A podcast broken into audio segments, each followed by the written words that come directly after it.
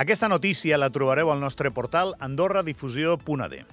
La meitat dels prop de 800 encastats sostenen que no cal saber català per viure a Andorra, mentre que la primera enquesta que es va fer el 2002 oferia un percentatge del 64%.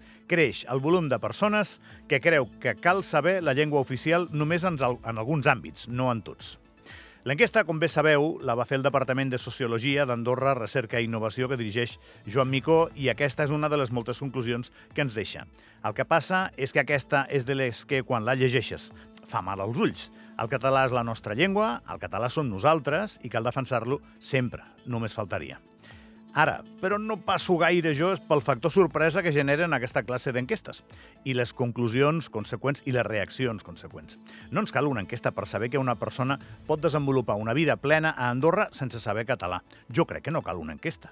Vull dir que aquesta frase, que sona fatal, si la passes pel filtre de l'oficialitat, és una veritat com un temple. El carril central que sustenta aquesta realitat és que aquí tothom xerra castellà, també.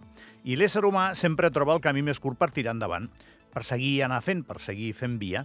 Aquest és el cas més freqüent, però aquí hi ha gent que s'ha passat anys i panys xerrant, per exemple, eh, només portuguès, i ha fet vida. Els seus fills segurament tots parlen perfectament català, però, però hi ha gent que s'ha passat la vida aquí parlant només portuguès, relacionant-se amb el seu cercle, o parlant aquells portunyols que, que més o menys tots hem escoltat. Eh? I segurament els braços ferms d'aquestes persones hauran construït la casa on vius tu i on vic jo. Per tant, gràcies. Però bé, això és així a nivell lingüístic. Eh? El tema del català no l'hem atacat mai de debò. I quan ens mirem el país que tenim, molts es posen les mans al cap. I jo, en franquesa, ho trobo una mica sobreactuat. És la meva opinió. És com si una persona s'alimenta exclusivament de donetes un mes sencer i després se sorprèn que li puja el sucre. Miri, no. Li puja el sucre perquè no para de menjar donetes. Miri, no. El català no mana aquí perquè vostès tenen un sistema laboral que necessita de persones de fora de manera gairebé permanent i la majoria dels que venen de fora xerren castellà. No tots, però la majoria. Per tant, s'acaba parlant molt castellà al carrer. Fem bé de fer campanyes per parlar més en català. Estic d'acord, encara que em costi eh, a mirar de no canviar de llengua per ajudar els nouvinguts a familiaritzar-se amb el català. Estic totalment d'acord. Estic d'acord en entrar en un comerç i fer servir primer el català sempre.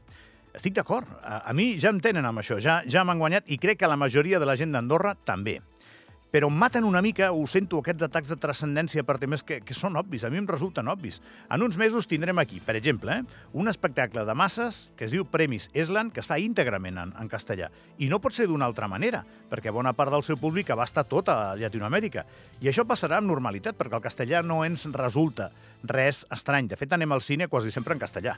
I les criatures veuen les seves pantalletes provinents dels streamers en castellà acabem, eh, acaben d'arribar a Andorra d'una atacada més de 4.000 persones que parlen només castellà. Aquí, han vingut a treballar perquè els necessitem. Per tant, què vols que soni per tot arreu? Només català? No, també sona el castellà. L'estrany seria que trobéssim molta gent parlant suahili, però eh, el castellà que estigui per tot arreu és la cosa més normal del món, és una conseqüència de com organitzem la nostra economia. El repte és que no deixem d'escoltar el català, i és un repte molt important.